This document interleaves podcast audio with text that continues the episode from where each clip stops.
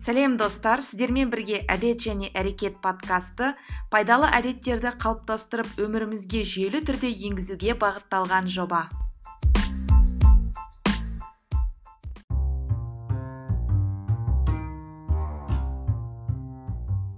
Сәлем әлем. Сіздермен бірге әдет және әрекет подкасты. Менің есімім жанар және біз бастаймыз. Бүгінгі сегізінші эпизодтың тақырыбы денсаулыққа қатысты болады. Негізінен мықты денсаулыққа жеткізетін қадамдар мен әдеттер жайлы сөйлесетін боламыз. Өзімнің өмірімде қолданып жүрген кейбір әдеттеріммен бөлісемін және түрлі емдеу шаралары жайлы дәстүрлі медицина жайлы сөйлесетін боламыз. Сондықтан менімен бірге болыңыздар. Осы әдеттердің біреу болмаса біреуі сіздерге пайдалы болады деген үміттемін. Сонымен бүгінгі эпизодта біздің қарастыратын тақырыптарымыз ол дәрумендер олардың біздің денсаулығымызға деген маңызы оларды қалай қабылдау керек қандай пайдасы бар сонымен қатар түрлі денсаулыққа әсер ететін факторлар түрлі өнімдер бір жағынан бұл тамақтану әдетіне де тамақтану естеріңізде болса біз бесінші эпизодта тамақтану жайлы сөйлескен болатынбыз. Тамақтануға қатысты да кейбір әдеттер бар. Түрлі түрлі денсаулыққа қатысты тақырыптар жайлы сөйлесетін боламыз. Негізінен денсаулық тақырыбы менің ең сүйікті тақырыптарым десем болады. Егер де IT маманы болмағанда міндетті түрде дәрігер болатын едім деп ойлаймын. Және мені негізінен нейробиология адамның миының істеуі бір қылықтарын зерттеу және бір жағынан өзімнің денемді зерттеп білгім келеді. Әрбір дене мүшемнің қалай жұмыс істейтіні жайлы да қызығамын және сол туралы көп оқимын. Және меніңше адамда белгілі бір жағдай орын алу керек. Сол кезде ол адам денсаулығына деген көзқарасы өзгереді. Мысалға егер де бір сіз бір ауруды басынан басыңыздан өткізсеңіз ол аурудан құтылудың жолдарын іздей бастайсыз және сол бағытта іздене бастайсыз. Бірақ та енді ә, құдай сақтасын сіз әрине бір жағдайды күтіп жүрмейміз ғой мысалы мен ауырсам осындай жасаймын деп. Қытай елінде мынандай бір мақал бар екен. Дәрігерге барып емделудің жолын іздегенше ауырмайтын жол іздеп күніне бір алмадан жеп отыр деген сияқты сондай даналық сөзі бар екен. Меніңше бұл өте дұрыс нәрсе өйткені біз алдын ала профилактика жұмыстарын жасауымыз қажет. Ә, енді менің ең басты басынан бастап айтқым келген нәрсе ол біздің денсаулығымызға негізінен қозғалу қозғалыста болу ол өте маңызды. Сондықтан сіздерге беретін бірінші кеңесім және маңызды нәрселердің бірі ол кемінде екі сағат табиғатпен бірге болу. Бұл нені білдіреді? Біздің денемізге өте көп мөлшерде оттегі қажет. Бұл біздің миымызға өкпемізге жүрегімізге ағзамызда қанның еркін қозғалуына оттегінің маңызы зор. Сондықтан егер де сізде енді біреуіміз жер үйде тұрамыз біреуіміз ә, көп қабатты үйде тұрамыз егер де тіптен мүмкін болмай жатса үйіңіздің қасыңызда саябақ сияқты стадион болмаса онда тым құрғанда дүкенге барып келіңіз. Мысалы алыс маршрутты таңдасаңыз болады сіздің үйіңізден алыс тұрған дүкенге барсаңыз болады. Немесе өзіңіз тұрған үйді бірнеше рет айналып шығыңыз. Енді қазақтарда үйді айналма ырым бар ғой бірақ енді бұл ырымның өзін жөнге салмай бір ә, маршрутты ойластырсаңыз болады. Негізінен бұның өте маңызы зор. Мысалға менде бір период болды. Осы карантин кезінде мүлдем сыртқа шыққым келмеді. Және де мен бұл нәрсені зерттедім. Жүгіргім келмеді. Бұл әрине аз уақытқа созылды бірақ әсері өте жаман болды деп ойлаймын. Ә, мен жүгіре алмайтын кезде немесе жүгіруге айналамдағы бір орта сай келмесе онда мен тез қадамдармен жүруді таңдаймын.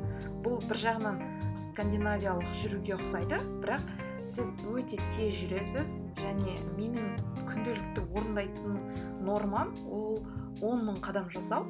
Енді ең кемі деген жеті мың қадам болған шығар. Бұның пайдасы жүгірумен бірдей және мен жүрген кезде жай ғана жүрмеймін. Белгілі бір ә, пайдалы нәрсемен байланыстырғым келеді. Мысалы бір ә, подкаст тыңдауым мүмкін немесе тыныс терең тыныс аламын мысалы ә, жай ғана жүріп отырмай жүру барысында тыныс алу жаттығуларын да жасап отырамын. Бұның да пайдасы өте зор. Бұған алдағы уақытта тоқталамыз. Келесі нәрсе ол дәрумендерді қабылдау. Негізінен дәрумендердің минералдардың біздің ағзамызға маңызы өте зор. Кейбір адамдардың ойынша дәрумендер қажет емес. Біз бұның барлығы химия біз ағзамызды неше түрлі химиямен былғап жатырмыз және бұның ешқандай қажеті жоқ. Біз дәрумендерді күнделікті жеп отыратын тағамнан алу керекпіз деген ойда. Мен бұл нәрсемен келіспеймін. Егер де сізде белгілі бір минералдың немесе дәруменнің жетіспеушілігі болса міндетті түрде осы дәрумендік қоспаларға жүгінгеніңіз жөн. Не себепті бұлай? Оны түсіндіре кетейін. Бұл жағдай менің басымнан өтті. Мен вегетариандық жүйені қолдана бастаған кезде екі жыл уақыт қолдандым деп алдыңғы эпизодта айтқан едім тамақтану жайында. А, сол кезде мен үш ай сайын тексеруден өтетінмін. Яғни маған денсаулығымда қандай өзгерістер болып жатыр ағзамда қандай өзгерістер болып жатыр бұл ет өнімдерін мүлдем қолданбау менің ағзама қалай әсер етіп жатыр деген нәрсе мен үшін маңызды болатын.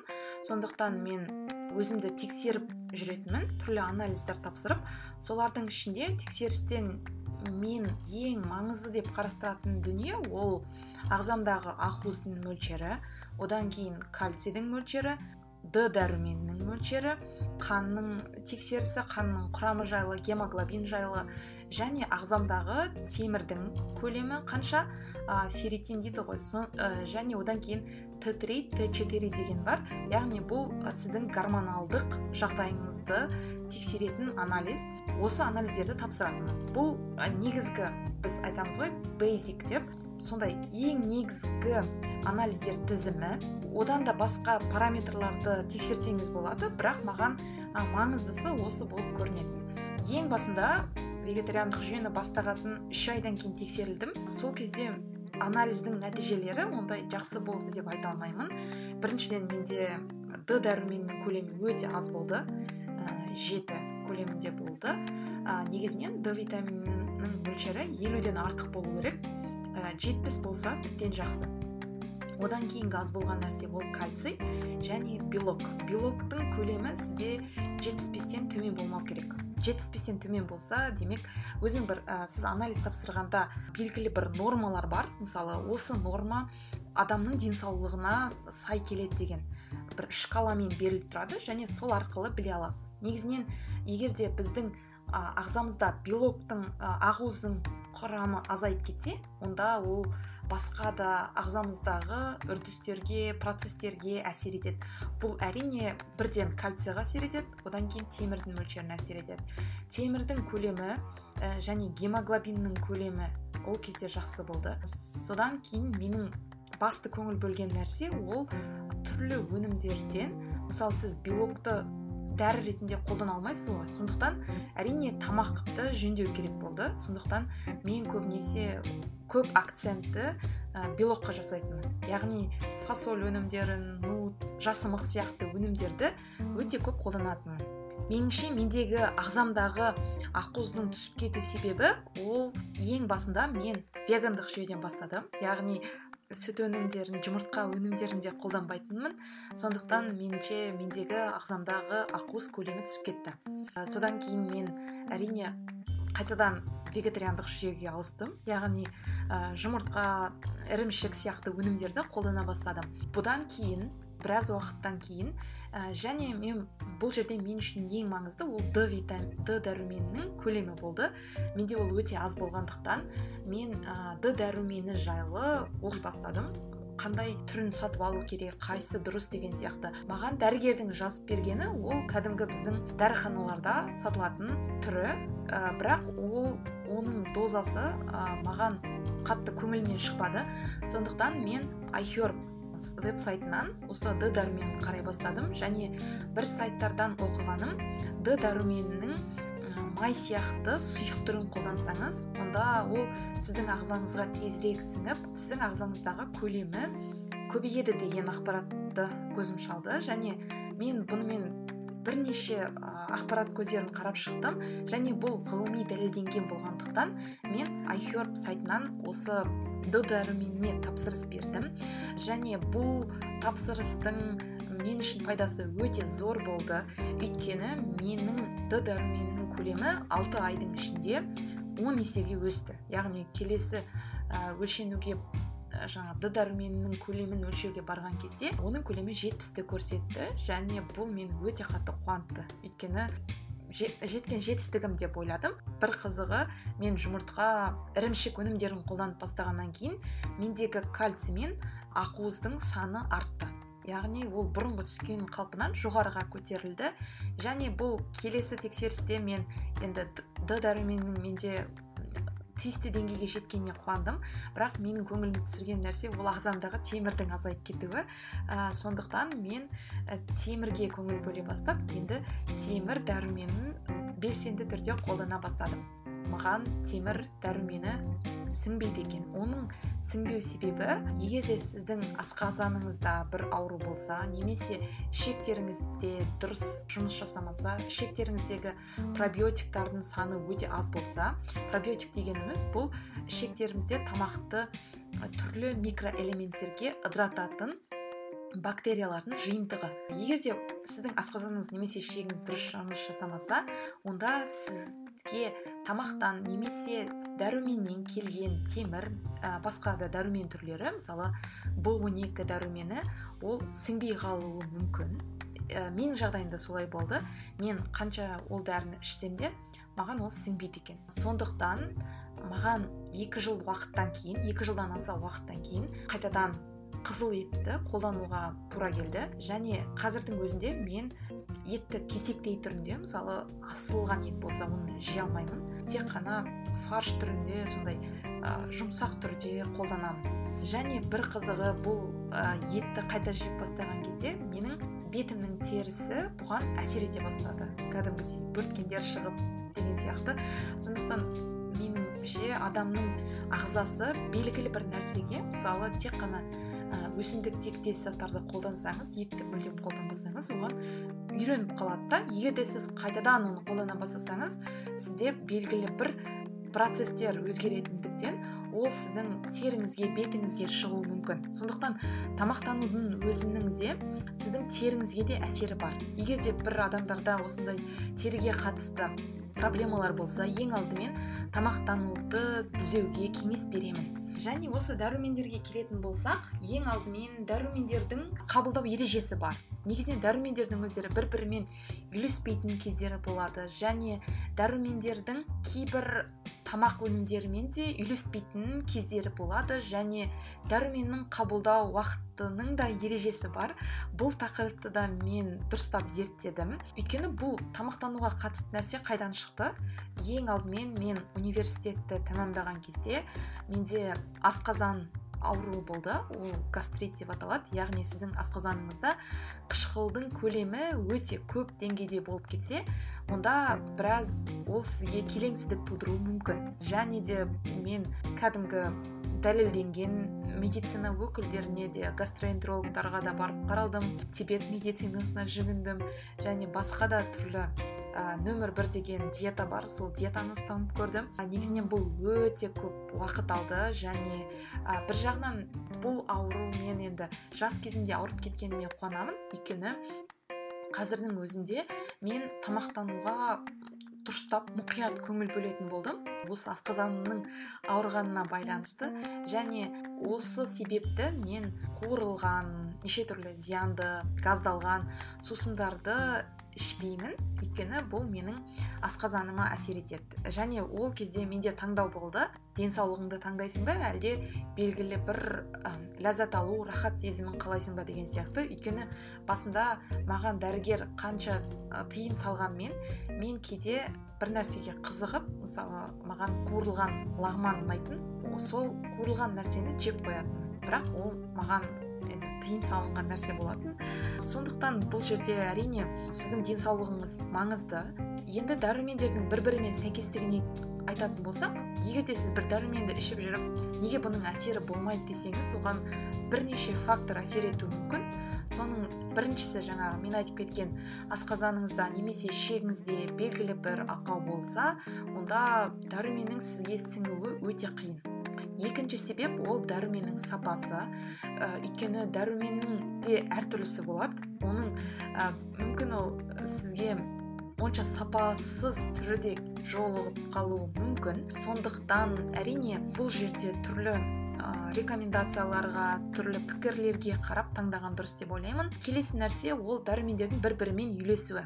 Мысалға алатын болсақ темірді алатын болсақ темір с дәруменімен жақсы үйлеседі. Темірдің ағзаға сіңу үшін міндетті түрде оны с дәруменімен бірге қолдану керек. Сол себепті де ет өнімдеріне лимонның суын сығатын болсаңыз екеуі өте күшті реакцияға түседі және бұл екі дәруменнің де сізге сіңуіне жол береді. Мысалға с дәруменін алатын болсақ бұл дәрумен суда еріп кететін дәрумен сондықтан ол сіздің ағзаңызда мысалы сіз бір рет толтырып алсаңыз ол сіздің ағзаңызда ұзақ уақытқа сақталып қалмайды.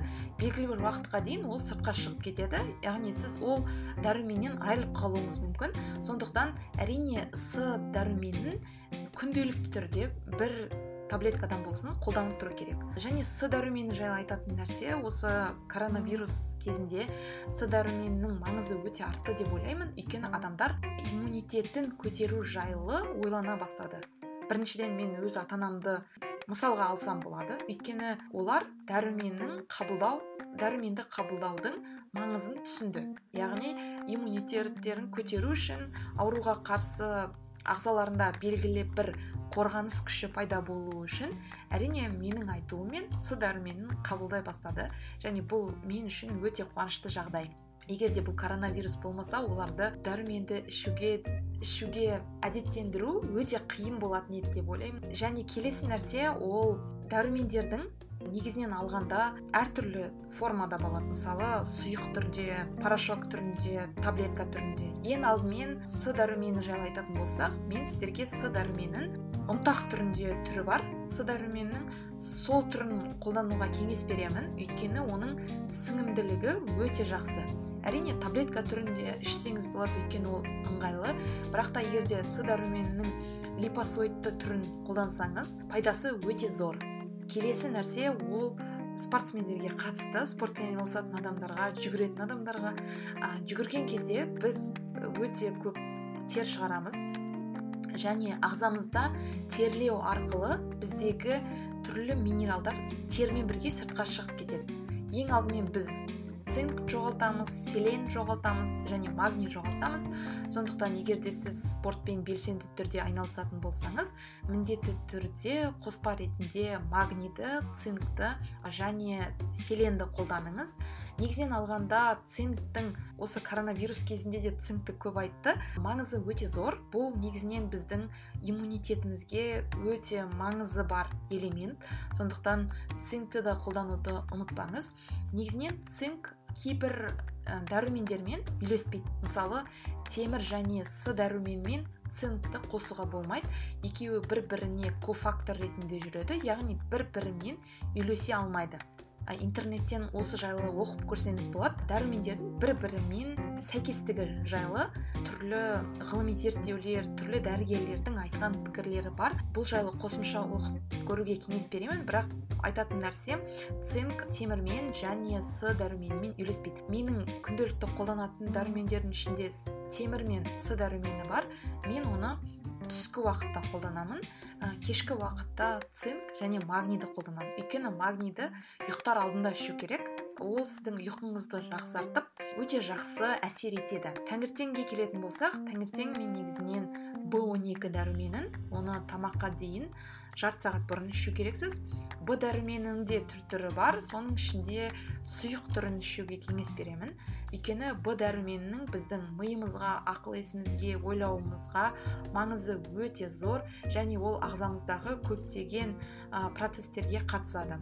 Және ет жемейтін адамдарға б 12 дәруменін қоспа түрінде қолдану керек. Өйткені егер де сіз ет жемейтін болсаңыз онда б дәруменінің жетіспеушілігі қатты көрінеді. Ұсынылған дәрежесі ол 600 мыңға дейін барады. Бұл дәруменнің де аз болуы сіздің ағзаңыздағы темірге де әсер етеді. Сондықтан мысалы егер сіздің ағзаңызда б 12 дәрумені аз мөлшерде болса онда оны бір, бірінші сол дәруменді толтырып алу керексіз. Одан кейін барып темірге темірді толтыру керексіз. Өйткені егер де сіздің ағзаңызда б 12 дәрумені аз мөлшерде болып сіз темірді ішетін болсаңыз ол темірден сізге ешқандай пайда жоқ. Өйткені сіз б 12 дәруменін бірінші қол бірінші оның керекті мөлшеріне жеткізіп алу керексіз. Содан кейін ғана барып темір сіздің ағзаңызға ә, сіңеді. Егер де б он екі көтерілмесе онда темірді бостан босқа ішіп жатырсыз деген сөз. Және осы б он екі дәруменіне қатысты оның ә, қасында тағы да достары бар. Б алты б тоғыз деген дәрумендер б тоғыз деген фолат. Бұл әйел адамдарға өте маңызды дәрумен. Таңертең қандай дәрумендерді қабылдаймын деп сұрасаңыздар мен таңертең д дәрумен ішемін. Және д дәруменінің бір маңызы оны ол майда еритін дәрумен болғандықтан оны майы құрамында майы бар өнімдермен қолдану керексіз. Сол кезде бұл д дәрумені сіздің ағзаңызға жақсы сіңеді. Және де д дәруменімен бірге мен омега 3 және омега 9 сияқты дәрумендерді де қолданамын. Бұл біздің ағзамызға иммунитетімізге маңызы өте зор. Келесі тақырыпқа ауысайық ол тамақтың шипалық күші жайы. Яғни біз әрине түрлі дәрумендердің барлығын қоспа түрінде дәрумен түрінде қолдануымыз мүмкін. Бірақ бізге бұл дәрумен түріндегі қоспа түріндегі заттар бізге дәл тамақ бергендей тамақ сияқты бере алмайды. Сондықтан біз тамақтың сапасына оның құрамына міндетті түрде мән беру керекпіз. Мен сіздерге беретін тағы бір әдетім ол жылына екі рет тексерістен өту. Ағзаңыздағы не жағдай болып жатыр? Өйткені ағза ағзадағы түрлі процесстер сіздің сізге қажетті минералдар мен дәрумендердің көлемі өзгермелі. Мысалы үш ай бұрын болған нәрсе келесі үш айда басқадай нәтиже көрсетуі мүмкін. Сондықтан міндетті түрде осындай анализ тапсырып тексерістен өтіп өз ағзаларыңызда не жағдай болып жатқанын білген дұрыс. Соңғы кездері биохакер деген ұғым шықты. мен бұл туралы әлеуметтік желіде жазған болатынмын. Негізінен алғанда бұл америкада ә, силикон валли дейді ғой сол жақтарда өте танымал болған нәрсе. Биохакер дегеніміз бұл сіздің ұзақ өмір жасауға деген қадамыңыз. Әдісті қолдайтындар бар қолдамайтындар бар. Биохакердің негізгі мақсаттары ол дұрыс тамақтану тиісті физикалық жаттығулар тиісті қозғалыста болу түрлі дәрумендерді қабылдау днкңызға зерттеу арқылы сізге не қажет екенін білу эмоционалдық жағынан барлық жағынан өзіңізді сондай бір кемел адам деңгейіне жеткізу. Бірақ бұл жерде түрлі сыртқы факторларды қолдану бар. Бұл бір жағынан дұрыс емес деп ойлаймын. Бір сергей фаге деген ресей елінің бизнесмені өзінің 200 миллиард долларын осы биохакерлікке жұмсаған екен. Жасушаларды ауыстыру деген сияқты сондай ғылыми жағынан енді енді ғана дамып келе жатқан нәрсе. Келесі нәрсе ол ағзаны жерге жеткілікті дәрежеде тазалап тұру. Яғни бұл қазір детекс дейміз ашығу дейміз мұсылмандардың оразасы бар. Яғни біз ағзамызға бір сәтке болсын тынығу беру қажетпіз. Түрлі ағзамыздағы токсиндердің шлактардың ағзамыздан босауына бұл ашығу жайлы нобель сыйлығын алған жапон ғалымы да бар. Яғни аутофагия процесі дейді жасушалар өз өздерін ағзада енді тамақ болмағасын ағзадағы артық нәрселерді жасушалар жей бастайды екен. Осы арқылы ағзамыздағы жасушалар жаңарып ә, белгілі бір өзгерістен өтеді. Сондықтан да ашығудың да пайдасы өте зор. Өйткені сіз асқазаныңызға тыным бересіз оның жұмысына бір жұмысының жақсы болуына көмектесесіз өйткені асқазан өте жұмсақ сондай өте нәзік орган. Ешқандай оның қасында сүйек те ештеңке жоқ өзімен өзі тұрған нәрсе. Сондықтан оған да белгілі бір қамқорлықпен қарағанымыз жөн. Келесі нәрсе ол ауыз қуысын таза ұстау. Өте маңызды әдет деп ойлаймын. Өйткені аузымызда өте көп бактериялар жиналуы мүмкін. Бұның бір себебі ол тамақ қалдықтары. Сондықтан міндетті түрде кез келген тамақты жегеннен кейін аузыңызды шайыңыз сумен. Егер де мүмкіндік болса тіс пастасымен жуғаныңыз да дұрыс. Кейбір адамдар тіс пастасын өте көп қолданса адамның эмалына тісінің эмалына зақым келеді деп айтады. Негізінен бұл ғылыми түрде дәлелденбеген. Мен бұл әдет жайлы осыдан бір 5-6 жыл бұрын брайан трейсидан білген болатынмын. Оның бір кітабында ол өзімен бірге тіс пастасын және тіс щеткасын салып жүреді екен. Тіпті жұмысқа офисқа барған кезде бір кездесуге барған кезде өзінің сол зубной щетка мен пастаны салатын ыдысы бар. Және кез келген тамақтан кейін тісін міндетті түрде тіс пастасымен жуады екен. Бұл да бір керемет әдет деп ойлаймын. Мен бұл әдетті де жұмыста біз офиста істеп жүрген кезде қолданып көрдім. Сондықтан бір жағынан ә, сондай аузыңызда жақсы әсер қалдырады. Өйткені аузыңыз таза болады ешқандай қалдық болмайды иіс те болмайды. Және де мысалы сағызды қолдану қолданып қажет емес егер де әрдайым қасыңызда сондай ауыз қуысын тазалауға қатысты пастаңыз болса. Келесі нәрсе қазіргі уақытта тіс пастасымен бірге түрлі сұйықтықтар шықты ауызды шаюға. Мен оны бұрын да қолдандым жұмыста. Әрине бұның пайдасы бар бірақ мен сіздерге бұдан да пайдалы нәрсені айтайын. Ол аузыңызды ұйқыдан тұрған кезде бір шай қасық кокос майымен шаю бұл әдетті енгізсеңіздер өте керемет болады. Өйткені ә, кокос майының антимикробтық әдеті бар. Яғни ол ауыз қуысындағы барлық микробтарды жояды және сіздің тіс иектеріңізге пайдалы әсері бар. Сондықтан бұл әдетті де қолдануға кеңес беремін. Келесі нәрсе ол ағзадағы және мидағы оттегінің маңызы. Біздің ағзамызға оттегі өте қажет. Ағзамыздың негізінен 80 пайыз оттегіні миымыз қолданады екен. Сондықтан бұл нәрсеге қатты көңіл бөлуге кеңес беремін. Егер де сіздің басыңыз ауырса демек сіздің миыңызда оттегі жетіспей тұр деген сөз. Сондықтан ә, басымыз ауырса бірден антибиотиктарға дәрілерді қолдануға асықпай бір уақыт болсын терезені ашып терең терең ауа жұтып алсаңыз бірден қояды. Немесе сізде ағзаңызда су жетіспесе миымыздағы түрлі түрлі жасушалар кеуіп қалады екен. Ғылыми зерттеуден алынған нәрсе түрлі американың ғалымдары зерттеу жүргізген. Сол кезде зерттеу кезінде егер де басты мрт деген бар ғой магнитті түсірген кезде миымыздағы түрлі жасушалар кеуіп қалған екен. Адамға су бермесе ауа жұтпаса сондықтан оттегінің маңызы өте зор. Ол сіздің ойлау қабілетіңізге дұрыс басыңыздың ауырмауына өте қатты көмектеседі. Сондықтан мен бұл әдетті негізінен өте жиі қолданамын деп ойлаймын. Өйткені мен өзім білемін егер маған оттегі жетіспесе не үшін су ішеміз. Өйткені судың егер формуласын қарайтын болсаңыздар судың құрамында да оттегі бар. Сондықтан бұл екеуі де сізге әсер етеді. Таза ауада мысалы миыңыз тынықса сіздің оттегімен тынықсаңыз онда миыңыз да сізге рахметін айтады және денеңізде де бұл керемет әсерге бөлейді. Енді келесін айтатын нәрсем ол шек пен мидың байланысы. Негізінен мен асқазаным ауырған кезде осы шекке қатысты асқазанға қатысты түрлі ғылыми кітаптарды оқи бастадым. Алдымен маған өзіме қызық болды. Менің ағзам қалай жұмыс істейді? Мен кәдімгі дәлелденген медицина өкілдеріне барған кезде гастроэнтерологқа қаралған кезде маған өте көп дәрі жазып берді және мен өте көп тексерістен өттім шланг жұттым деген сияқты. Маған қызық болып көрінген нәрсе ол мені мрт-ға жіберген еді.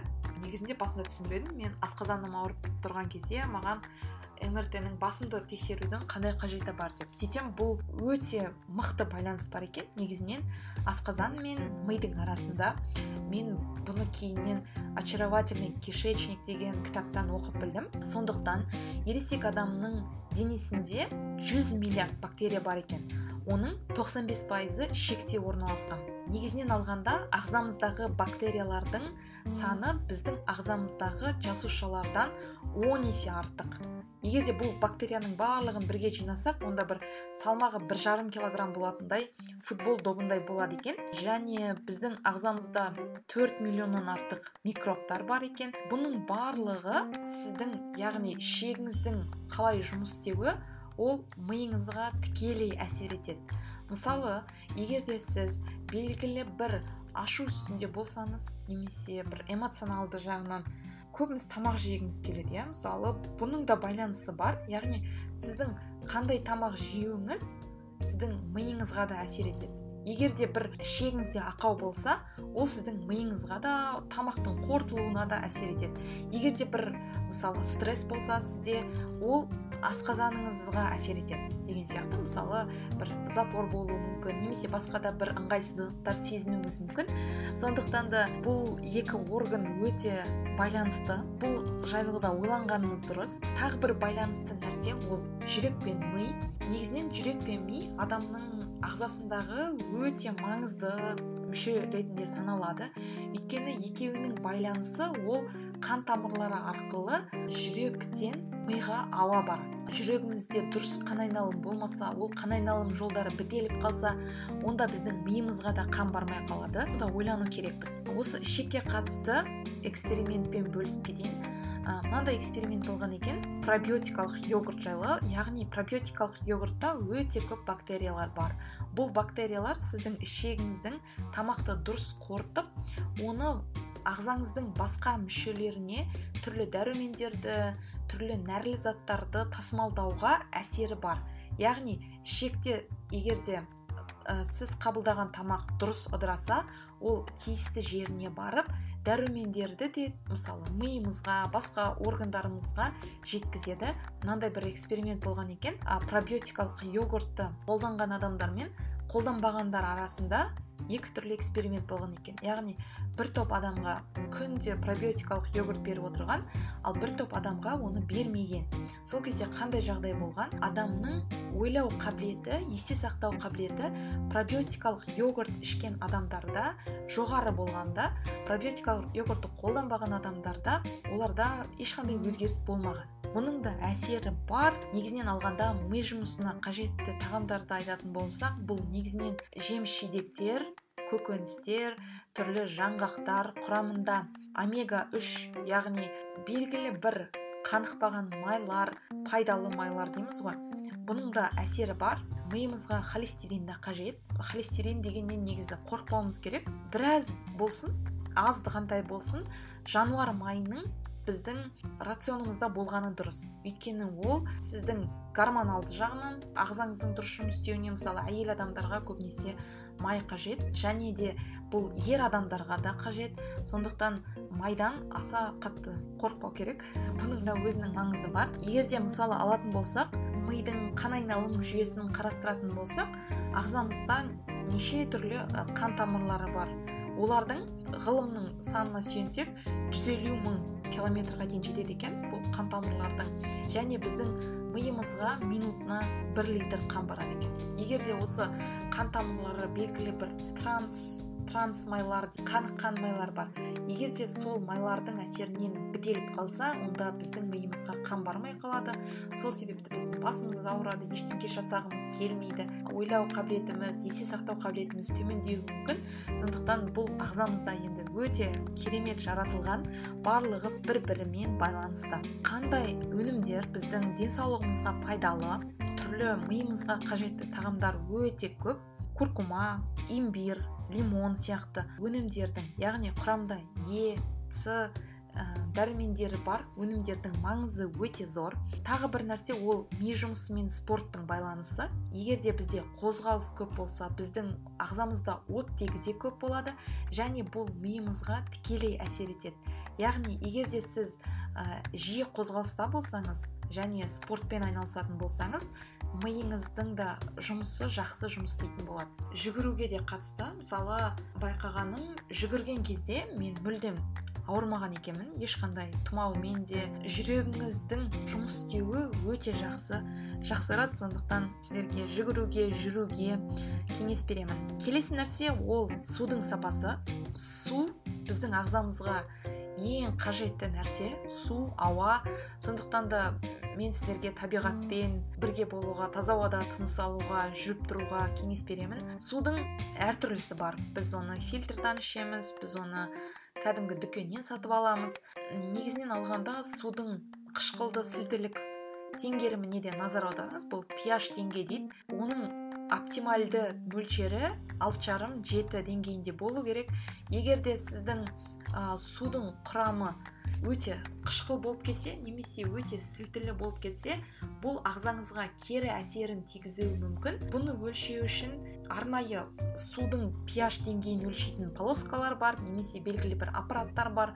Негізінен полоскалар өте дұрыс өйткені олар сізге суға батырған кезде судың негізгі ішіндегі ph деңгейін анықтап бере алады. Су қанша ішеміз деген нәрсе бар иә? Суды қанша мөлшерде ішу керек? Бұл адамның дене құрылысына адамның өмір сүру деңгейіне байланысты. Өйткені егер де сіз суды іше алмасаңыз өзіңізді зорлаудың қажеті жоқ. Өйткені бұл сіздің бүйрегіңізге салмақ түсіреді өте көп су ішу. Бірақ та тырысу керек суды көбірек мөлшерде ішуге. Мысалға алатын болсақ менің ата анам және ағам су ішпейді.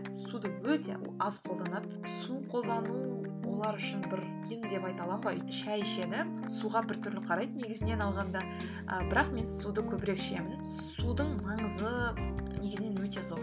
Басыңыз ауырып тұрса шаршап тұрсаңыз кейбір кездерде қарныңыз ашқан сияқты болады. Негізінде қарныңыз ашқан жоқ бірақ ағзамызда су жетіспегендіктен деп ойлауымыз керек. Судың сапасына мән беретін болсақ су ең алдымен өте суық суды ішуге болмайды. Бұл сіздің асқазаныңызға тікелей әсер етеді және өте төмен температурадағы су мысалы мұз қосылған су болса ол асқазаныңыз бірден одан жиырылып қалады кәдімгідей стресс алғандай болады.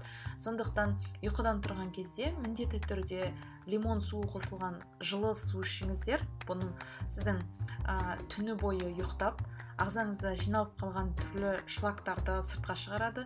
Ағзаңызды оятуға көмектеседі ондағы түрлі процестердің жүруіне әсер етеді. Егер де су іше алмасаңыз құр судың дәмі ұнамаса негізінен суда дәм жоқ онда суға лимон қосуға немесе түрлі жидектерді қосуға кеңес беремін. Мысалы мен өз басым суға корица таяқшалары дейді соны қосқанды ұнатамын немесе жалбыздың жапырақтарын қосамын. Одан қалса кәдімгі мұздатылған құлпынай бар соны қосамын. Сонда судың дәмі бір ерекше болады. Осылай жасап көруге де кеңес беремін. Немесе үйде түрлі пайдалы сусындар жасап қойсаңыз болады. Қазіргі кезде менің ең сүйікті сусыным қазір қыс мезгілі болғандықтан суық суды ішу мен үшін кішкене ыңғайлы емес қолайлы емес. Сондықтан мен өте ыстық ішуге тырысамын. Жылы сондай. Қазіргі мен үшін фаворитке айналған ол мұздатылған шырғанақ облепиха лимон имбирь және бал қосылған су. Бұны мен таңертең ішемін және өте күшті. Өйткені маған бұл сусынды ішкен кезде кофе ішкім келмейді. Және осы облипиха жайлы ізденіп көрдім оқып көрдім. Негізінен облепиха бұл қытай тибет медицинасында қолданады екен. Оның антибактериалды әсері бар яғни ағзаңыздағы түрлі процестерді ас қорыту жүйесін жақсартады асқазаныңызға көмектеседі. Және облепиханың құрамында е дәрумені бар с дәрумені бар. Иммунитетіңізге өте мықты элемент деп айта аламын. Сондықтан да осылай да осындай сусындар жасап қолданып көрсеңіздер болады. Дәмі де өте керемет. Бір жағынан бұл серотонин гормонының көбірек бөлінуіне көмектеседі екен. Өйткені оның көлемі мысалы серотонин негізінен банан шоколад сияқты өнімдерде өте көп. Бұл олардан да көп екен. Сондықтан сіздерге де осы сусынды жасап ішіп жүруге кеңес беремін. Ары қарай жалғастырамыз. Келесі нәрсе ол темекі ішімдік әсері. Көбіміз білеміз темекінің ішімдіктің зияны бар екенін. Ең алдымен мен сіздерге мидың жұмысына қатысты әсерін айтқым келіп тұр. өйткені ми қан айналым жүйесі жүрек бұл біздің ең негізгі біздің ұзақ өмір сапалы өмір сүруіміз үшін күш қуатымыз мол болу үшін маңызды қызмет атқаратын ағзамыздағы мүшелер. Сондықтан да егер де сіз темекі шегетін болсаңыз немесе ішімдік ішетін болсаңыз ең алдымен бұл сіздің ойлау жүйеңізге миыңыздың жұмыс істеуіне әсер етеді. Бұл өнімдерді қолданбас бұрын ең алдымен ойланып көріңіз қаншалықты сіздің ойлау жүйеңізге ағзаңыздағы түрлі процестерге жүрегіңізге қандай әсері болатынын қазіргі кезде ол сізге бір ләззат сыйлауы мүмкін бірақ кейін уақыт өте келе кері әсері де болуы да ғажап емес. Келесі нәрсе ол ең пайдалы әдеттердің бірі контрастный душ дейді. Контрастный душ қолдану арқылы сіз өзіңізді сергек сезіне аласыз. Негізінен бұл әдет маған қатты ұнайды және менің тұрақты әдеттерімнің біріне айналды деп айта аламын. Бұл әдеттің маған қатты көмектескені бұл ораза кезінде. Өйткені ә, жұмыстан келгеннен кейін ауыз ашар уақытына дейін көбінесе әлсіз болатынмын ұйқым келетін ештеңке жасағым келмейтін және осы кезде контрастный душ қолданып бастадым. Бұның негізгі мәні сіз басында жылы судан бастап одан кейін жылы су мен мұздай суды араластырып жуынасыз. Негізінен ұзақтығы 10-15 минуттай болады. Яғни мысалға алатын болсақ 30 секунд мұздай суды қолдансаңыз келесі 30 секундта жылы суға ауыстырасыз. Осылайша екеуінің кезегін ауыстырып отырып қолдансаңыз болады. Бұның ұйқыңыз келіп тұрған кездегі сергектік қасиеті өте жоғары және қан айналымына жақсы әсер етеді. Ә, сонымен қатар егер де таңертең ә, ұйқыдан тұра сала контрастный душ қолдануға кеңес беремін. Қазақшаға аудармайын деп шештім. Негізінен қазақшаға аударған кезде кішкене мәні өзгеріп кетеді екен. Осы әдетті де қолданып көріңіз. Негізінен жиі қолданатын әдетке айналдырсаңыз тіптен керемет болады. Өйткені алдымен сіздің түні бойы ұйықтап шыққан денеңіз сергіп жақсарып қалады және күніңізді жақсы бастаудың керемет себебі деп ойлаймын. Сонымен қатарда егер де сіз жүгіретін болсаңыз бұл жуынудың да әсері өте керемет болады. Келесі нәрсе ол жеміс жидек көкөністердің маңызы. Яғни біз тамақтанған кезде ең алдымен тамақтың сапасына оның табиғи болуына ешқандай консервантсыз гмосыз түрлі химикаттарсыз болғанына назар аударуымыз керек. Сондықтан ең алдымен ешқандай өңдеуге ұшырамаған жеміс жидектерді қолдануға тырысыңыз. Көбінесе біз көретін заттардың құрамында түрлі химикаттар бар. Және бір сәтке болсын негізі түрлі печеньелар шоколад конфет сияқты заттардың құрамына қарайтын болсаңыз майонез кетчуп сияқты заттардың құрамына қарасаңыздар мен негізі төбе шашым тік тұрады. Өйткені оның ішінде түрлі е деген элементтер гмо неше түрлі нитраттар глютамат натрий глютаматы дейді бұндай заттар өте көп. Ә, көбісі қаныққан май пальма майы рапс майы дейді. Басты назар аударатын нәрсе мысалы бір өнімді сатып алардың алдында құрамына қарасаңыз құрамында бірінші тұрған зат демек ол заттың құрамында бұл компоненттің көлемі өте көп деген сөз. Мысалы көбінесе тәтті заттарды қарасаңыз бірінші қант тұрады. Сондықтан ол затта мысалы шоколад болса какаодан бұрын қанттың көлемі өте жоғары деген сөз.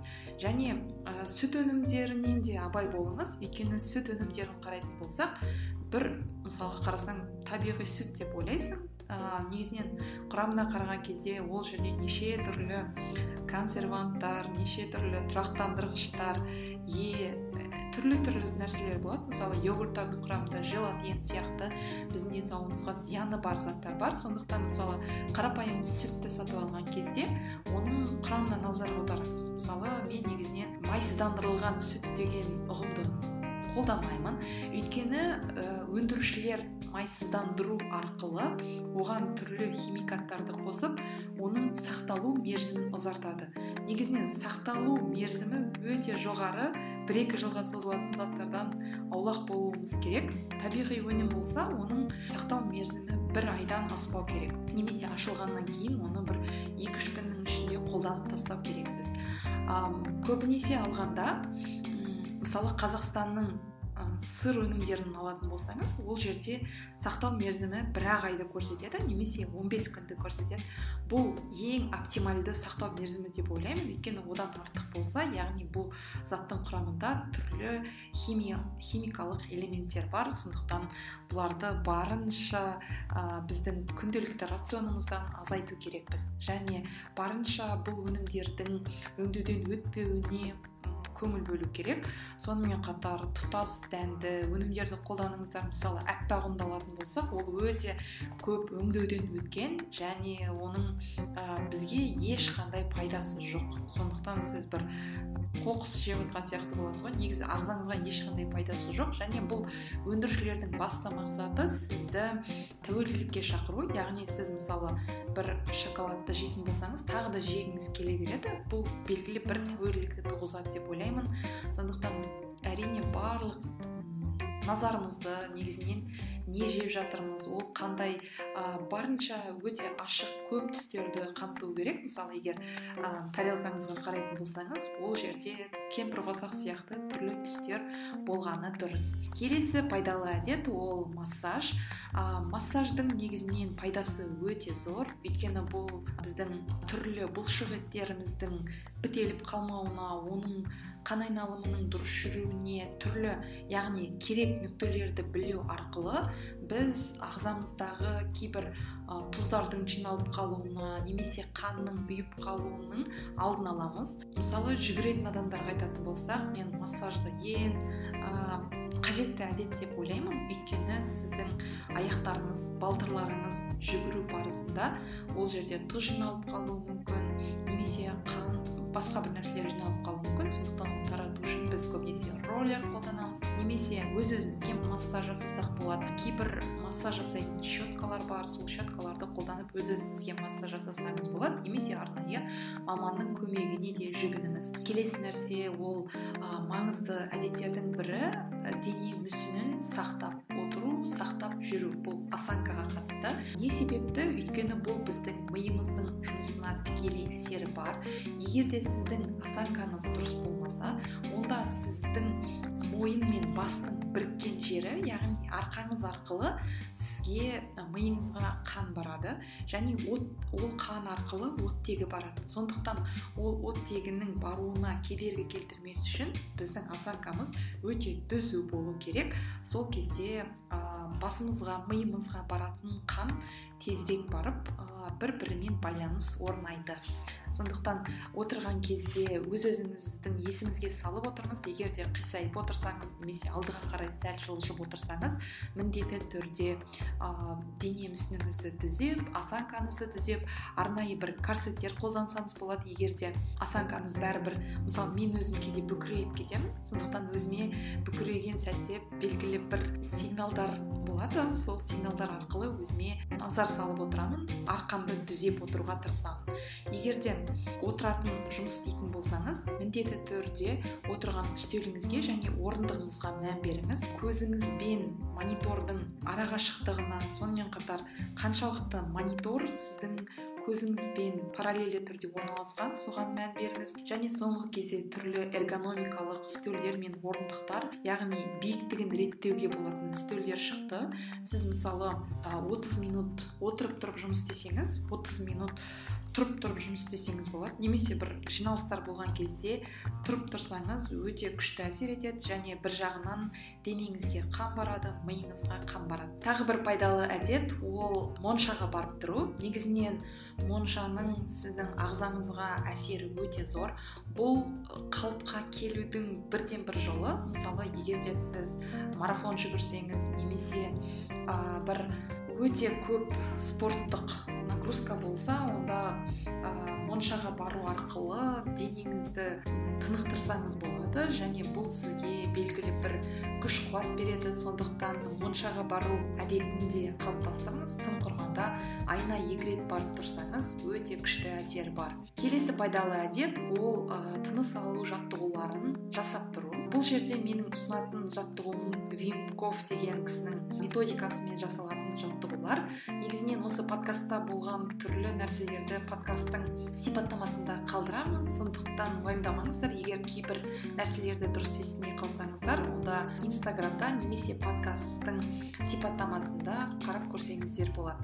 Негізінен тыныс алу жаттығуларының ішіндегі маған ең ұнайтыны және өзім жиі жасайтыны ол төрт екі бір деп аталады. Яғни ә, сіз мысалға алатын болсақ төрт төрт секунд ә, ауаны жұтсаңыз екі секунд ол ауаны ұстап тұрасыз және бір секундтан кейін ол ауаны сыртқа шығарасыз. Яғни сізде белгілі бір ауаны жұту барысында ә, ауаны жұту керексіз оны ұстап тұру керексіз жұтқан ауаны және біраз уақыттан кейін ол ауаны сыртқа шығару керексіз. Бұның өте маңызы зор және қазіргі кезде коронавирус уақытында осы тыныс алу жайлы сатурация жайлы көптеген пайдалы кеңестер айтылып жатыр. Негізінен тек коронавирус емес адамның күнделікті өмірінде тыныс алу жаттығуларын жасап тұру керек. Тағы бір сіздерге ұсынатын пайдалы әдет ол көзге жаттығу жасап тұру.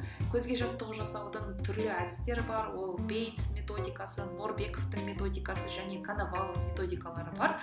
Бұл жақта негізгі әсер ол көзіңізге белгілі бір салмақ түсіру. Яғни мысалға алатын болсақ алыс бір нүктеге қарау одан кейін барып жақын жерге қарау көзіңізді оңға солға төменге жоғарыға жасау арқылы бұған негізінен сізге күніңізге 5 минут уақытыңыз кетуі мүмкін. Көзіңізді жан жаққа жылжыту арқылы түрлі объектілерге қарау арқылы пайдалы іс жасайсыз. Сондықтан ерінбей көзіңізге жаттығу жасаймыз. Белгілі бір уақытты таңдап өзіңіздің күнделікті күнтізбеңізге енгізіп қойсаңыз болады. Мысалы мен қазір сағат төртте көзге жаттығу жасаймын деген сияқты. Келесі нәрсе ол ә, шашқа қатысты шаш күтіміне қатысты.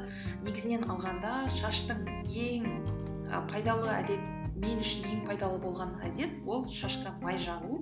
Майдың да түр түрі бар. Неше түрлі репейная кокосовая деген сияқты майлар бар. Майдың негізгі әсері ол сіздің шашыңызды ылғалдандырады және жып жылтыр болып тұруына көмектеседі. Шаштың ағару себебіне келетін болсақ негізінен шаштың ағаруының бірнеше себебі бар. Бұл жерде кәріліктен бөлек кәрі болса да шашы ағармаған адамдар бар және өте жастай шаштары ағарып кеткен адам бар. Ә, бұл негізінен ең бірінші гендік жағынан егер де сіздің ата анаңыздың шашы жас кезінде өте ерте кезде ағарып кетсе демек ол сізде де қайталануы мүмкін. Екінші себеп ол сіздің рационыңызда түрлі витаминдердің дәрумендердің жетіспеушілігінен сондықтан міндетті түрде арнайы тексеруден өтіп ағзаңыздың құрамындағы б 12 дәруменін және де темірдің құрамын қараңыз. Сонымен қатар күнделікті қолданатын тағамдардың құрамына да мән бергеніңіз дұрыс. Егер де сіздің күнделікті мәзіріңізде жасыл жеміс жидектер түрлі көкөністер көп болса онда шаштың ағаруы болмайды деп ойлаймын. Өйткені бұл менің басымнан өткен жағдай. 11 сыныпта менің шашым ағара бастады және бір қызығы шашым түбінен емес ортасынан ағарып кетті. Яғни ә, түбі қара ортасы ақ одан кейін қара сияқты. Ал бұл мені де біршама уақыт уайымдатты. Дәрігерге барып бұның не жағдайдан екенін сұрадым. Ол бұл гормоналдық ә, бұзылу деп айтты. Бірақ кейіннен келе мен тамақтануымды қолға алған кезде бұл нәрсе өзімен өзі жоқ болып кетті. Яғни қазір менде ондай мәселе жоқ. Сондықтан ә, міндетті түрде тамақтың құрамына мән беріңіздер. Өйткені бұл шаштың да ағаруына алып келеді. Келесі нәрсе арықтау және оның қандай кері әсері бар. Негізінен арықтаған дұрыс сіз белгілі бір формада болу керексіз бірақ та арықтаудың өзін артық жасамау керек. Арықтау деген бұл біріншіден сіздің ә, гормоналды фоныңызды өзгертеді. Яғни сіз гормондар біздің ағзамызда түрлі гормондар бар. Олардың әрқайсысының өзінің бір атқаратын қызметі бар. Егер де ол белгілі бір ағзаңызда дефицит болса онда сіздің қорғаныштық қабілетіңіз азаяды және ағзаңыздағы метаболизм зат алмасу сияқты процестердің де әсер етуі мүмкін. Сондықтан арықтағыңыз келсе өте абай болыңыз және міндетті түрде дәрігердің қатысуымен болу керек. Бұл нәрсе ә, сонымен қатар түрлі анализдер тапсыру арқылы негізгі өзіңізді жақсы сезіну керексіз. Мысалы арықтап тым энергияңыз болмаса күш қуатыңыз болмаса өте сондай ашуланшақ болып кетсеңіз онда оның пайдасы жоқ деп ойлаймын. Сондықтан өзіңізге қолайлы комфортты жағдайда арықтауды жөн көремін. Және де бұл толықтай сіздің тұтастай денсаулығыңызға да әсер етеді. Және иммунитетіңіздің де төмен түсіп кетуіне әсері болуы мүмкін. Сондықтан бұл нәрсемен ойнамаңыздар арықтау деген жақсы әрине бірақ арықтаймын деп түрлі дәрі дәрмектерді қолданып немесе күнделікті колораж дейміз ғой оны өте қатты азайтып жіберуге болмайды. Бұл сіздің иммунитетіңізге әсер етіп мысалы сіз бір аурумен ауырсаңыз ол аурумен басқа адамдарға қарағанда тез ауырып қалуыңыз мүмкін және бір жағынан сіз арықтаған сияқты боласыз бірақ өзіңіздің денсаулығыңызға да үлкен зиянын тигізесіз және бір жағынан ә, түрлі дәрі дәрмектерге ақша кетіру арқылы шығынға да ұшырауыңыз мүмкін сондықтан абай болыңыз. Келесі нәрсе қазіргі кезде өте танымал болып кетті. Сельдерей дейді ғой. Сусын ішу таң атқан кезде бұл әрине пайдалы. Өйткені бұл сіздің бауырыңызға тікелей әсер етеді.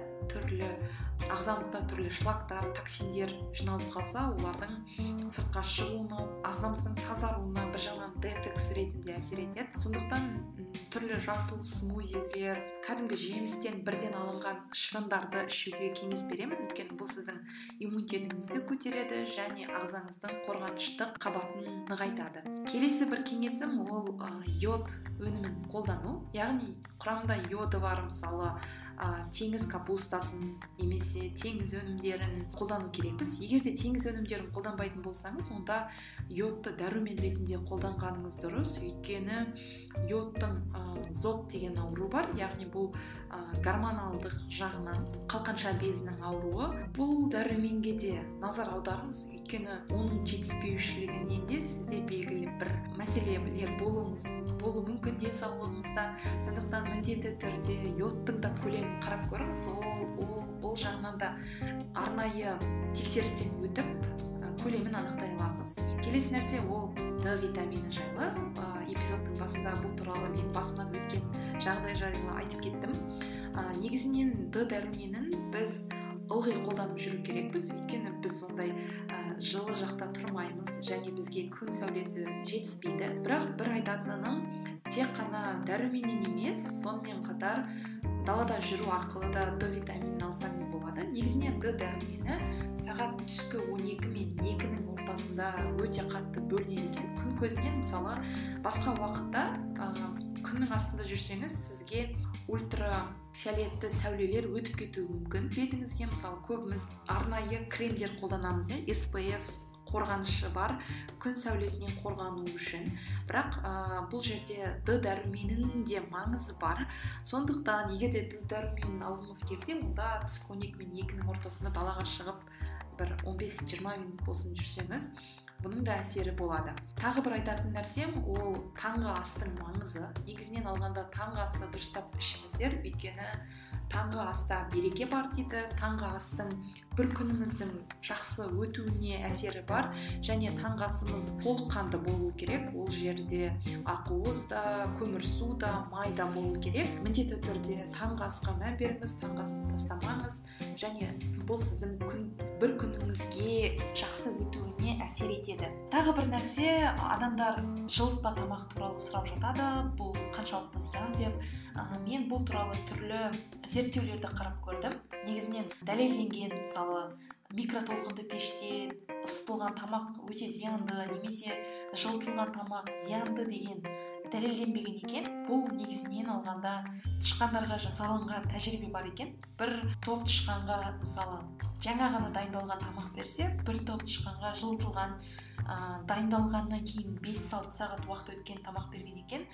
Сол кезде жылытпа тамақ жеген тышқандар үш айдан кейін қайтыс болған екен. Бұл әрине адамға басқаша әсер етуі мүмкін. Сондықтан біз мен кішкене бұл жануарларға өткізілген түрлі тәжірибелерге сескеніп қараймын. Сондықтан бұл нәрсені мен толықтай айта алмаймын бірақ негізінен алғанда егер де тамақты жылытып қолданатын болсақ оның құрамы оның құрамындағы молекулалар өзгеріске ұшырайды. Сондықтан бұл нәрсені көбірек жасамауға тырысыңыз. Яғни егер де ыңғай келіп тұрса тамақты жылытып жемеуге тырысыңыз. Немесе мысалы кешегі тамақты келесі күні жеу деген бізде әдет қалып қалған ғой. Мысалы кешкі ас болса оны таңертең жеп отыратын адамдар бар. Ә, бұл кеңес мұқият болуға кеңес беремін. Сонымен қатар судың өзін мысалы бір қайнатылған су болса оны қайтадан қайнатпаңыздар. Немесе қайнатылған су болып оның үстіне тағы да бір су құйып жіберіп қайнату дұрыс емес. Ә, бұл судың құрамындағы молекулаларды бұзады екен. Өйткені қайта қайнатылған су оның құрамындағы сутегі ауыр сутегіге айналады. Және ол сіздің ағзаңызға кері әсер етуі мүмкін. Сондықтан егер де бір қайнатылған су болса оны қайнат, қайтадан қайнатпай жаңадан басқа суды алып сол суды ішкеніңіз дұрыс. Тамақты суды жылы күйінде қолдану керек. Ешқашан да өте ыстық тамақты немесе өте суық тамақты қолданбаңыз. Өйткені өте ыстық тамақ болса ол сіздің асқазаныңыз өте сондай желің сияқты нәрсе. Оған ол кері әсер етуі мүмкін және бұл ісік ауруларына алып келуі мүмкін немесе асқазан жарасына алып келеді. Сондықтан тамақты өте ыстық күйде қолданбаңыздар. Және тағы бір нәрсе тамақты үрлемеңіздер. Егер ыстық тамақ болса біраз күтіңіздер өйткені үрленген тамаққа егер үрлейтін болсақ тамақты суыту үшін онда біздің аузымызда түрлі бактериялар бар. Ол бактериялар тамаққа қону арқылы ә, әсер етуі мүмкін. Сондықтан негізінен алғанда тамақты үрлемей күту керекпіз тамақтың жылынуын содан кейін барып жеген дұрыс. Егер де біз қыс мезгілінде де түрлі жеміс жидектерді қолдану керекпіз менің сізге беретін кеңесім және бұл әдет ретінде қалыптастыру керек деп ойлаймын. Түрлі жидектерді мұздатқаныңыз дұрыс. Мысалы өз уақыты болған кезде көп жемістер жазда әр жемісті өзінің сезонымен жеу керек. Мысалы қыс кезінде құлпынай жесеңіз ол әрине белгілі бір өңдеуден өткен түрлі бір дәрімен піскен құлпынай болуы мүмкін. Кәдімгі балғын құлпынайды сатып алғаннан гөрі мұздатылған құлпынайды сатып алсаңыз немесе өзіңіз мұздатып қойсаңыз бұның пайдасы өте зор. Келесі нәрсе ол жаңғақ дәнді дақылдарды қолданар алдында немесе түрлі кептірілген жемістер болса қолданар алдында міндетті түрде жуыңыз. Өйткені оны түрлі химикаттармен түрлі ферменттермен өңдейді және ол қайда қайда жатқаны қалай тасымалданғаны белгісіз. Сондықтан сіздерге беретін кеңесім және жиі күнделікті әдетке айналдыру ол жаңғақ дақылдар болса мысалы түрлі ә, фасоль нут сияқты өнімдерді бір қасық ас содасын алып немесе лимон суын алып бір тәулікке немесе 12 сағатқа дейін суға салып қойыңыз. Содан кейін ғана барып қолданыңыз. Кейбір адамдар түрлі мысалы фасоль нут сияқты өнімдерді бұршақ тектес өнімдерді алғанда біздің ішіміз кеуіп қалады немесе басқа да әсері бар деп айтады. Бұл негізінен оның құрамында фитин деген қышқыл болады. Бұл қышқыл өте зиянды және ол көбінесе темірдің ағзамызға сіңуіне кедергі келтіреді. Сондықтан кез келген жаңғақ болсын дәнді дақыл болсын оны қолданар алдында 12-8 сағатқа суға салып қойғаныңыз дұрыс. Негізінен алғанда барлық нәрседен белгілі бір баланс болсын орыс тілінде мое тело храм деп айтады.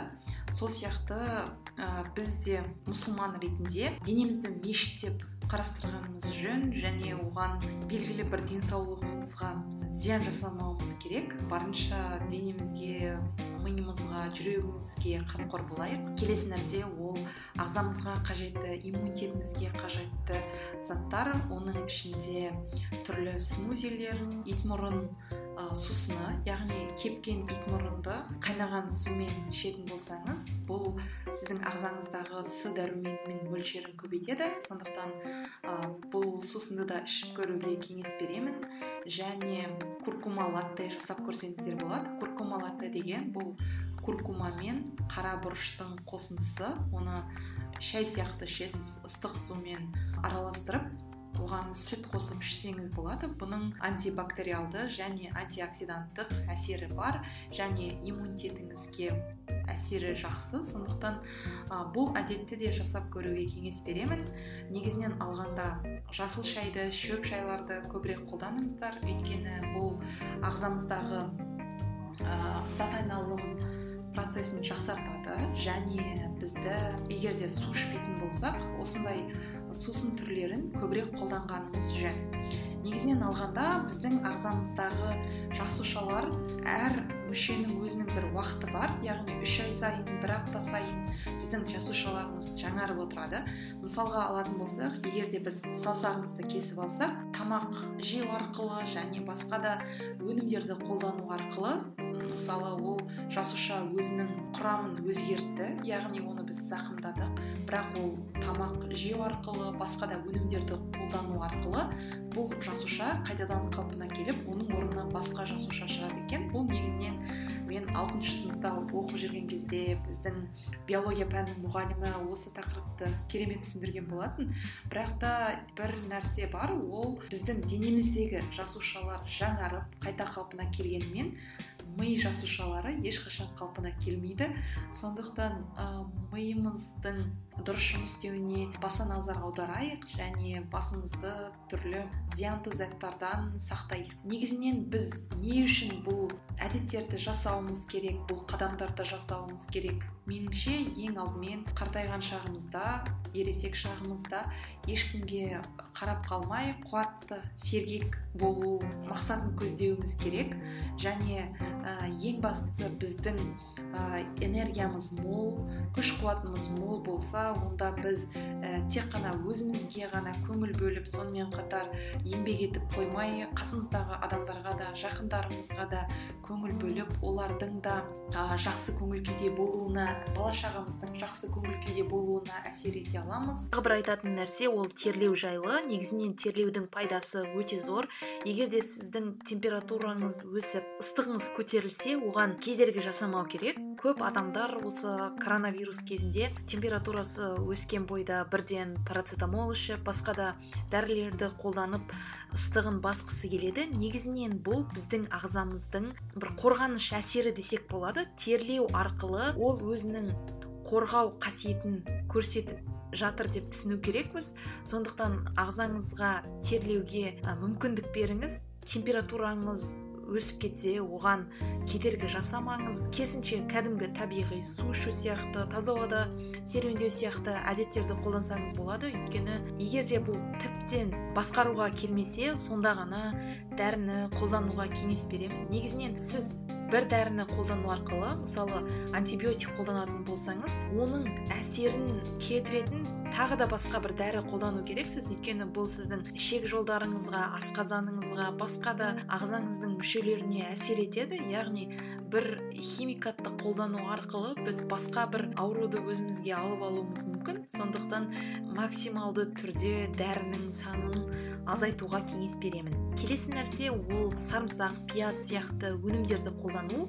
Бұл өнімдердің негізінен антибактериалды әсері бар. Олар ә, сіздің иммунитетіңізді көтеруге сонымен қатар ағзаңызда бір вирустар түсіп кетсе оларды жоюға көмектеседі. Сондықтан егер де сізге мысалы сарымсақтың иісі ұнамаса онда иммунитетіңізді көтеру үшін сарымсақтың суын ішуге кеңес беремін.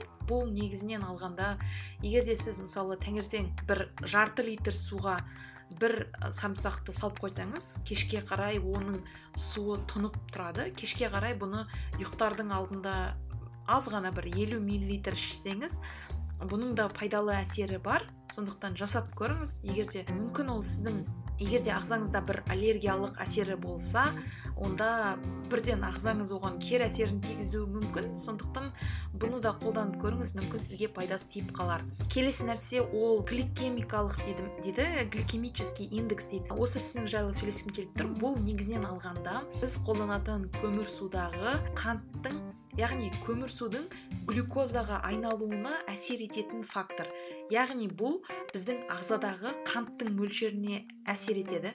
Сондықтан белгілі бір өнімдерді қолданған кезде гликемический индекс деген белгілі бір кестелер бар. Сол кестеге қарап кез келген өнімнің қандай мөлшерде екенін көрсеңіз болады. Бұл бұл жердегі ең төменгі деңгей ол 35 ең жоғарғы 70 бұған да мән беріңіз. Негізінен алғанда мен тек қана бір ғана медицинаны қарастырмаймын. Өйткені 14 ғасыр бұрын ата бабаларымыз қолданып кеткен медицина бар. Қазақ халқының ертеректе қолданған мүлдем дәрі дәрмек болмаған кезде қандай ем қолданды екен деген тақырып мені қатты қызықтырады және де ежелгі тибет медицинасы жайлы да көптеген ақпараттарды оқып ол туралы білу маған қызық. Сондықтан бұл жерде біраз ислам медицинасына да тоқталайық. Ислам медицинасында түрлі өнімдер бар. Сондықтан солардың бір екеуіне тоқталып кетсем бұл қара зере майы.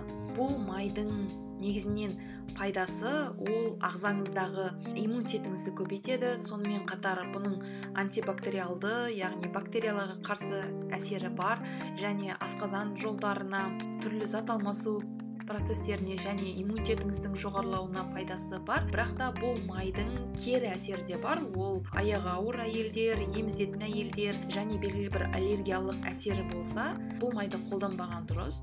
Негізінен алғанда маймен өте абай болыңыз. Оның сақталу мерзіміне жарамдылық мерзіміне назар аударыңыз. Егер де жарамдылық мерзімі өтіп кетсе май қышқылданып кері әсерін тигізеді. Бір уақытта менде сондай ә, тәжірибе болды. Майдың жарамдылық мерзіміне назар аудармаған екен. Және ол өте қышқыл дәм болғандықтан біраз қолайсыздық туғызды. Сондықтан егер де май ішетін болсаңыздар оны аш қарынға ішуге болмайды. Біртіндеп ағзаңыздың оған қалай әсер ететінін тексеріп барып қана ішу керек. Келесі нәрсе хиджама. Бұл ә, ағзаңыздағы түрлі шлактарды токсиндерді шығару үшін қолданатын әдіс. Бұл негізінен ағзаңыздағы артық қаннан құтылу. Бұл әдісті менің әкем қолданып көрді. Оның грыжасы бар еді және остеохондроз дейді. Арқасында қан жиналып қалса немесе тұз жиналып қалса әсері бар. Әдістің де пайдасы өте зор. Жасап көруге кеңес беремін. Келесі нәрсе егер де сіздің тамағыңызға суыңызға ә, шыбын басқа бір нәрсе ара сияқты ә, жәндіктер түсіп кетсе оны толықтай матырып ол судан тамақтан алып тастаған дұрыс. Әрине қазіргі уақытта бұл өте дұрыс емес нәрсе сияқты болып көрінеді бірақ белгілі бір қазірге дейін жеткен ақпараттарға сүйенсек егер де шыбынның бір қанаты у болса бір қанатында дәрумен бар дейді. Бұл нәрсені де айтып айтып кетуді жөн көрдім. Ежелгі заманда араб елдерінде мұсылмандарда түйе сүтін көп қолданған. Негізінен түйе сүтінің иммунитетімізге әсері өте зор. Оның құрамында с дәруменінің с дәрумені өте көп және бұл туберкулез қант диабеті ауруларына қолданған. Өйткені түйе сүтінің сәл тәтті дәмі бар.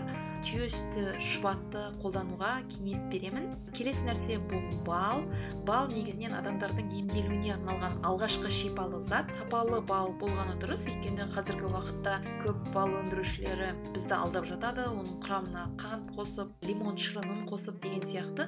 Сондықтан тексерілген адамдардан бал балмен айналысатын адамдардан бал алсаңыз өте пайдалы ағзамызға асқазан жолдарына және осы балдың араның прополис деген өнімі бар. Бұл біздің тісімізге иммунитетімізге пайдасы өте зор.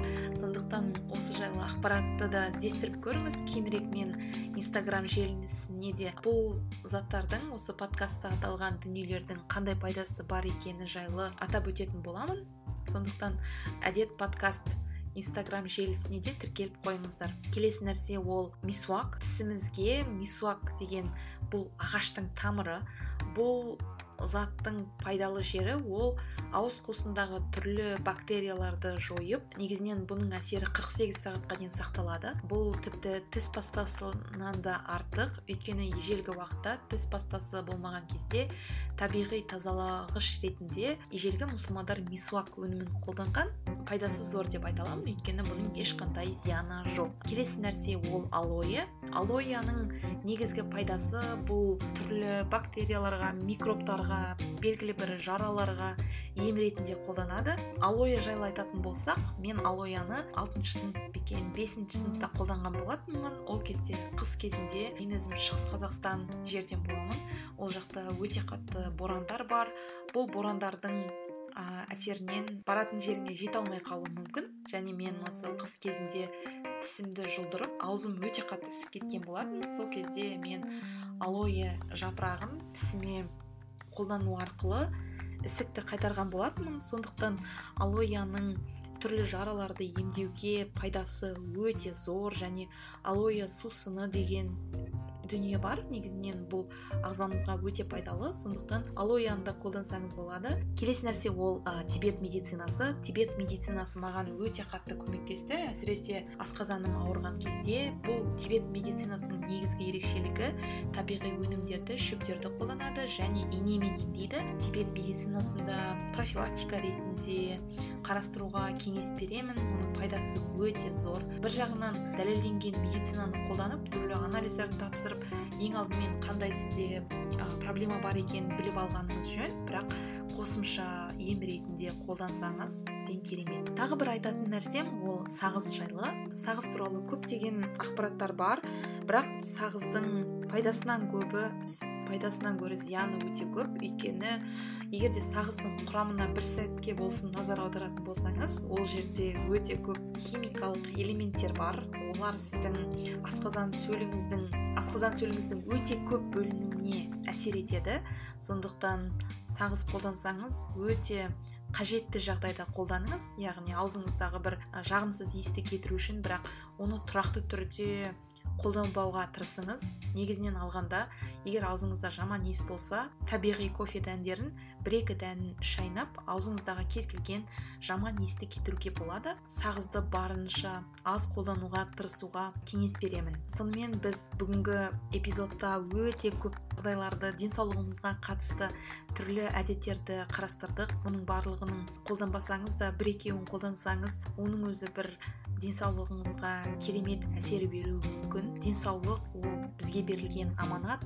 Сондықтан да қандай жаста болсақ та денсаулығымызға белгілі бір қамқорлық пен белгілі бір көңіл бөліп қарауымыз қажет. Бұл денеде бірнеше жыл өмір сүретіндіктен әр мүшеміздің дұрыс жұмыс істеп тұруына біздің ағзамызға қандай заттар түсіп жатыр бұның барлығына да дұрыс көңіл бөлуіміз керек. Мені негізінен денсаулық жағынан өте қатты мотивация беріп мені ерекше сондай үйге құлшындыратын жандардың бірі ол ник вуйчич. Бұл кісінің туғаннан аяқ қолы жоқ бірақ соған қарамастан ол өте белсенді спортпен айналысады және көптеген адамдарға ойлануға көмектеседі деп ойлаймын. Өйткені ол адамға қарап басқа адамдар аяқ қолы сау бола тұра белгілі бір әрекет жасамайтынына ойланады деп ойлаймын. Сондықтан да осындай адамдардың барына шүкір. Барлықтарыңызға бүгінгі эпизодты тыңдағандарыңызға рахмет. Пайдасы болды деп ойлаймын. Келесі эпизодтарда кездескенше күн жақсы аман есен болыңыздар.